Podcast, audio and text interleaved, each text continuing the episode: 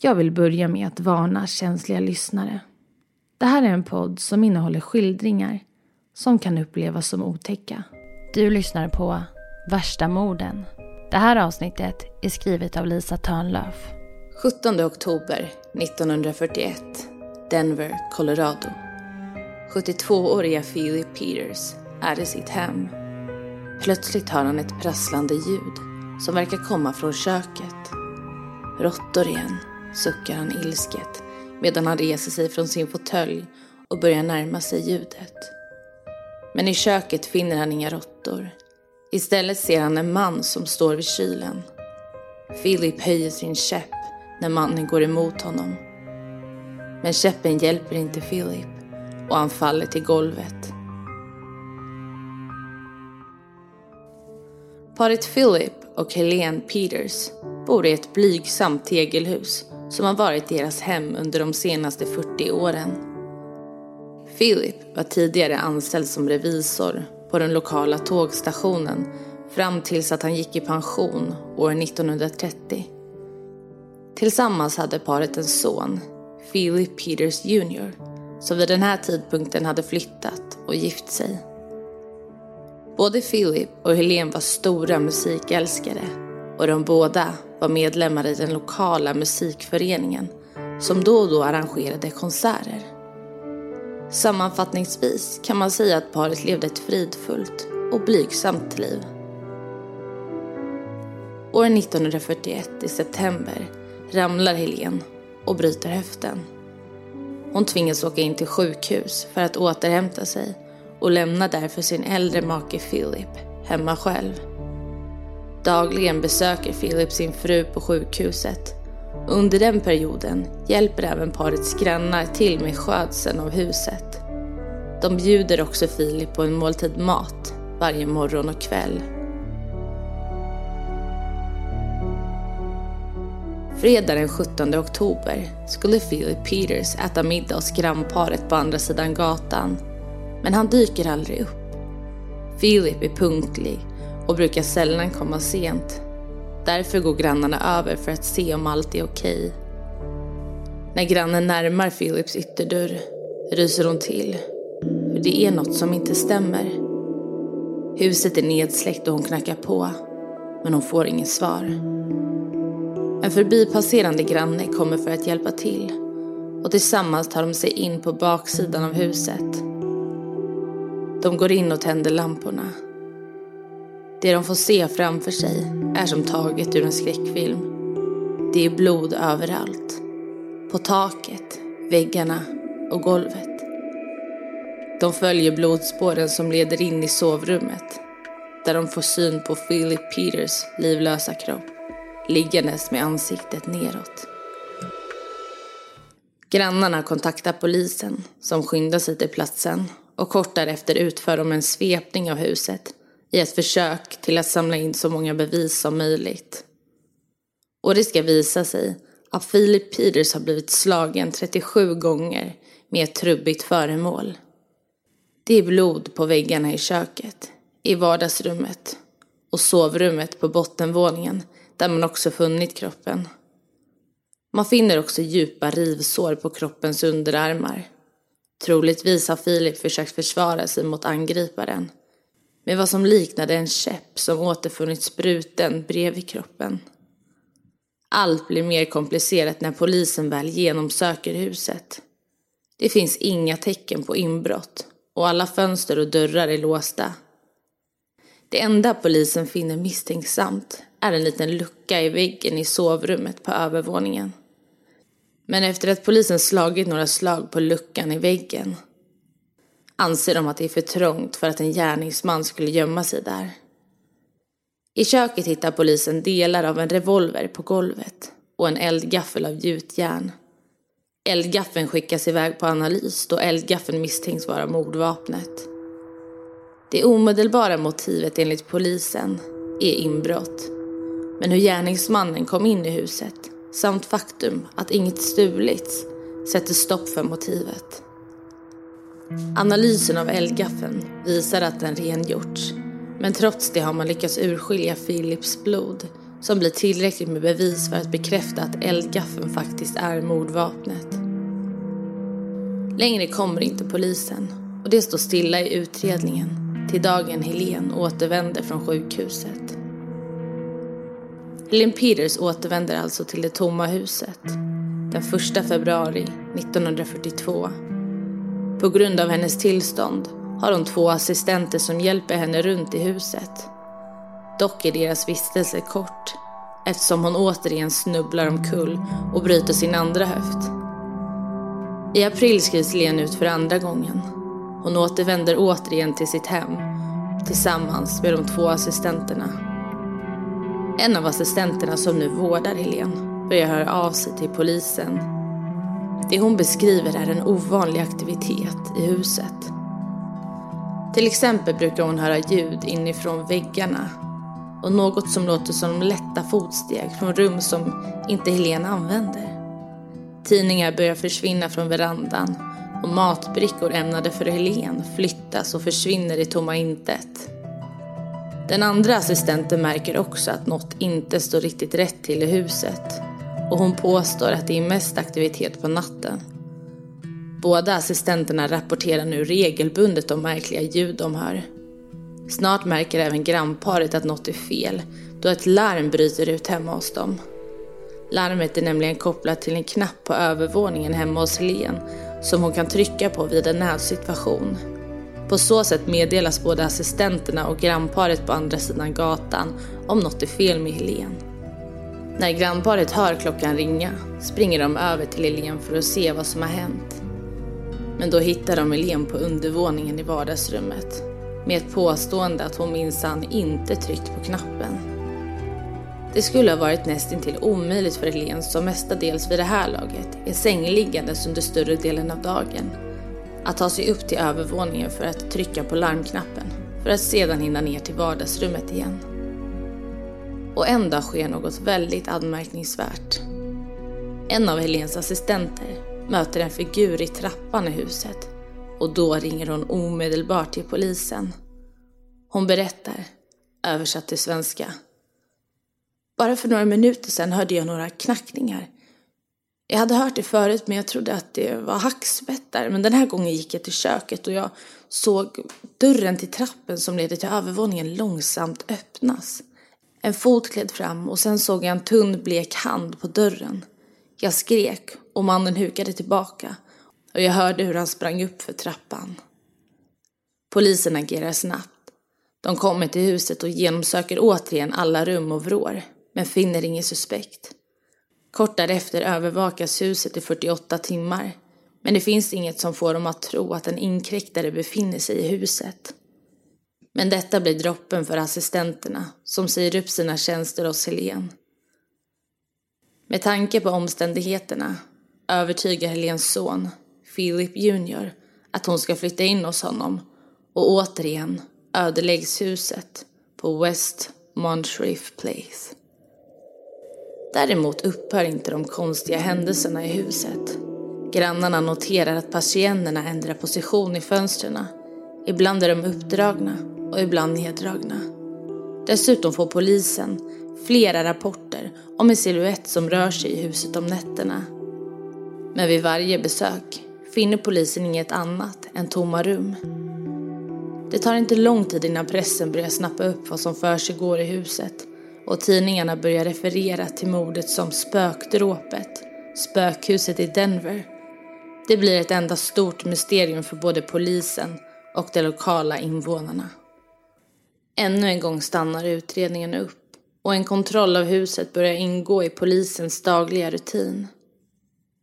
Men inte förrän i juli 1942 lyckas polisen lista ut vad det är som egentligen försiggår i huset. 30 juli 1942. Två poliser är ute och patrullerar i skymningen.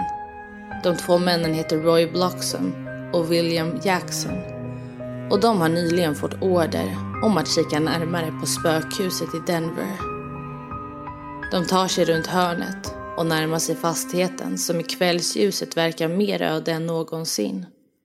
Försiktigt tar de sig in i huset för att söka igenom rummen. Men plötsligt hörs ett svagt brus från övervåningen. Roy och William tittar på varandra och nickar försiktigt. Båda hörde samma sak och nu måste de agera snabbt. Försiktigt tar de sig upp för trappan i riktning mot ljudkällan, nämligen sovrummet. Och det de får se är skrämmande. Garderobsdörrarna är vidöppna och när de närmar sig dem ser de ett par ben som kryper upp genom en liten öppning. Det är samma lilla öppning, eller lucka, som polisen har hittat tidigare och struntat i att undersöka vidare. Roy och William brusar fram och tar tag i de dinglande fötterna och drar ut en blek och avmagrad man. Mannens kläder har ruttnat och hölls samman av ett litet snöre. Mannen håller en 44 kaliber men gör inga försök att använda vapnet. När polisen Roy och William tar med mannen till stationen påstår han att han heter Matthew Cornish och arbetar med reklam. Den här historien håller mannen på i några timmar. Men strax efter att han får en hamburgare, äppelpaj och en kopp kaffe medger han sin egentliga identitet. Theodore Edward Connings. Sedan berättar han fritt om sitt liv och om Philip Peters. Theodore berättar att det var genom musiken han lärde känna paret Peters. De var medlemmar i samma musikklubb. Sedan fortsatte han att berätta att paret hade varit ett stort stöd för honom då han förlorat sin mor och under den tuffa perioden bjöd de ofta hem honom på middag och erbjöd honom sällskap. Han berättar sen om när han gav sig ut i världen. Först försökte han starta ett eget företag som gick i konkurs. Därefter flyttade han runt i landet och försökte sig på ett antal jobb. Han lyckades inte vidare bra inom arbetslivet och tvingades att leva på gatan. 30 år senare, år 1941, återvände han till Denver för att söka skydd och mat för dagen. Och det tror han sig hitta hos paret Peters. 59-åriga Theodore Connies närmar sig Philip och Helens hus i Denver. Precis när han kommer till huset ser han att Philip lämnar fastigheten. Han ska besöka sin fru på sjukhuset. Istället för att vänta in honom beslutar sig Theodore för att ta sig in i huset. Han testar att använda bakdörren. Turen är på hans sida och dörren glider upp. Han går in i köket och tar sig en matbit innan han börjar kika runt i huset. Han tillbringar en längre stund för att analysera en liten lucka i toppen av en garderob i sovrummet. Den verkar fungera som en liten dörr som leder upp till en skrubb. Skrubben är ytterst liten, 95 centimeter på dess högsta höjd och 10 centimeter bred. Theodore öppnar den lilla luckan och kryper in i utrymmet. Under flera veckor bor han i den trånga skrubben och smyger omkring i huset när Philip är borta för att besöka sin fru. Så här säger Theodore till polisen, översatt till svenska. Det såg ut som ett bra ställe att stanna för på vintern. Han fortsätter. Varje kväll lyssnade jag tills jag hörde hans snarkningar. Då kunde jag krypa ut och gå igenom kylen. Mängden mat jag tog var alltid tillräckligt för att det inte skulle märkas. Jag tog med mig maten till mitt bo och åt det där. Jag brukade även gå förbi badrummet och raka mig med den gamla mannens rakkniv. Theodores situation gjorde att han kort därefter blev uttråkad. Han bestämde sig för att börja följa efter Philip Peters omkring huset. Han skuggar bland annat hans rörelser och gömmer sig bakom dörrar när Philip passerar, rent för underhållningens skull. Citat Theodore, översatt till svenska. Det blev en slags lek. Det gav mig spänning. Man vet inte riktigt vad Theodore hade för långsiktiga planer och om han ens hade några. Men den 17 oktober 1941 tar allt en skarp vändning. Denna dag tänker Theodore att Philip, likt alla andra dagar har åkt för att besöka sin fru, så han kryper ut ur gömman för att hämta lite mat från kylskåpet. Då visar det sig att Philip tagit en liten tupplur. Han vaknar av ljudet från köket. Han går dit för att se vad det är som händer. Och de båda männen möts, öga mot öga. Philip känner inte igen Theodore. Mycket har förändrats på 30 år. Theodore ser en gammal revolver hängandes på väggen och han griper tag om den. Sen slår han till Filip i huvudet med den. Filip faller till golvet men tar sig upp i riktning mot matsalen och säger att han ska ringa polisen. Då följer Theodore efter honom och slår honom igen. Filip lyckas ta sig till sovrummet medan Theodore desperat försöker hitta lite pengar så att han kan fly därifrån. Theodor hör hur Filip öppnar en låda i sovrummet och springer snabbt dit. Denna gång med mordvapnet. Eldgaffeln i sin hand. Han vet inte hur många gånger han slår Filip. Han försöker slå honom tills han inte rör sig något mer. Efter det gör han rent mordvapnet, tar lite mat och springer tillbaka till vinden. Citat av Theodore, översatt till svenska. Allt hade varit okej okay och Philip Peter skulle ha levt idag om han inte hade fångat mig vid kylen. Det var honom eller jag. Theodore stannar kvar i huset efter Helene Peters återkomst och när han inser att hon har nedsatt hörsel blir hans liv betydligt lättare. Hans största problem uppstår under den tiden Helene är borta. Det är kallt utan uppvärmning i huset. Och det är nästan så kallt att han fryser ihjäl. Men ändå stannar han kvar i sitt bo. Han finner även en ny källa till spänning efter Philips död. Lämningarna tar sig ut ur skrubben om kvällarna och tittar på Helen när hon sover. Citat Theodore, översatt till svenska. Jag brukade gå ner och titta ut genom fönstret när posten kom förbi. Ingen hade skrivit till mig på 25 år och när jag såg människor på gatan kände jag avsky och jag gick tillbaka till vinden. Omedvetet blir Theodore Connie spöket i tidningarnas rubriker om spökdråpet. Persiennerna som rör sig, tidningar som försvinner och skepnaden som lokalbefolkningen ser i huset är Theodores. Men med de ständiga patrullerna som bevakar bostaden kan inte Theodores tillvaro vara för evigt. Efter att ha spenderat nästan tio månader på vinden grips han. Dagen efter gripandet börjar de lokala tidningarna fylla första sidorna med bizarra beskrivningar om spökdråpet och mannen som hade levt som en spindel. Citat Theodore, översatt till svenska. Jag kan inte förklara hur jag orkade det. Jag antar att det handlade om att där uppe hade jag min egna värld. Theodore är 180 centimeter lång och väger 34 kilo vid tidpunkten av hans arrest. Under hans många förhör undersöker polisen utrymmet han påstår sig ha bott i. Utrymmet luktar så illa att en av poliserna kräks när han undersöker det. Theodore hade installerat en liten glödlampa och utöver det fanns det bara en strykbräda som hade fungerat som en säng. I detta utrymme skulle en människa behöva bli en spindel för att trivas, yttrar polisen till pressen. Theodore Conneys rättegång börjar i slutet av oktober år 1942 och varar i totalt sex dagar. Han får genomgå en psykiatrisk undersökning men resultaten visar att Theodore inte var psykiskt sjuk under natten då han begick mordet på Philip Peters. Det blir en odramatisk rättegång. Theodore döms till livstidsfängelse med fysiskt arbete. Efter hans dom vänder sig Theodor till sin advokat och säger citat översatt till svenska. Nu känner jag mig säker. Jag kommer att ha ett bättre hem än vad jag haft på flera år.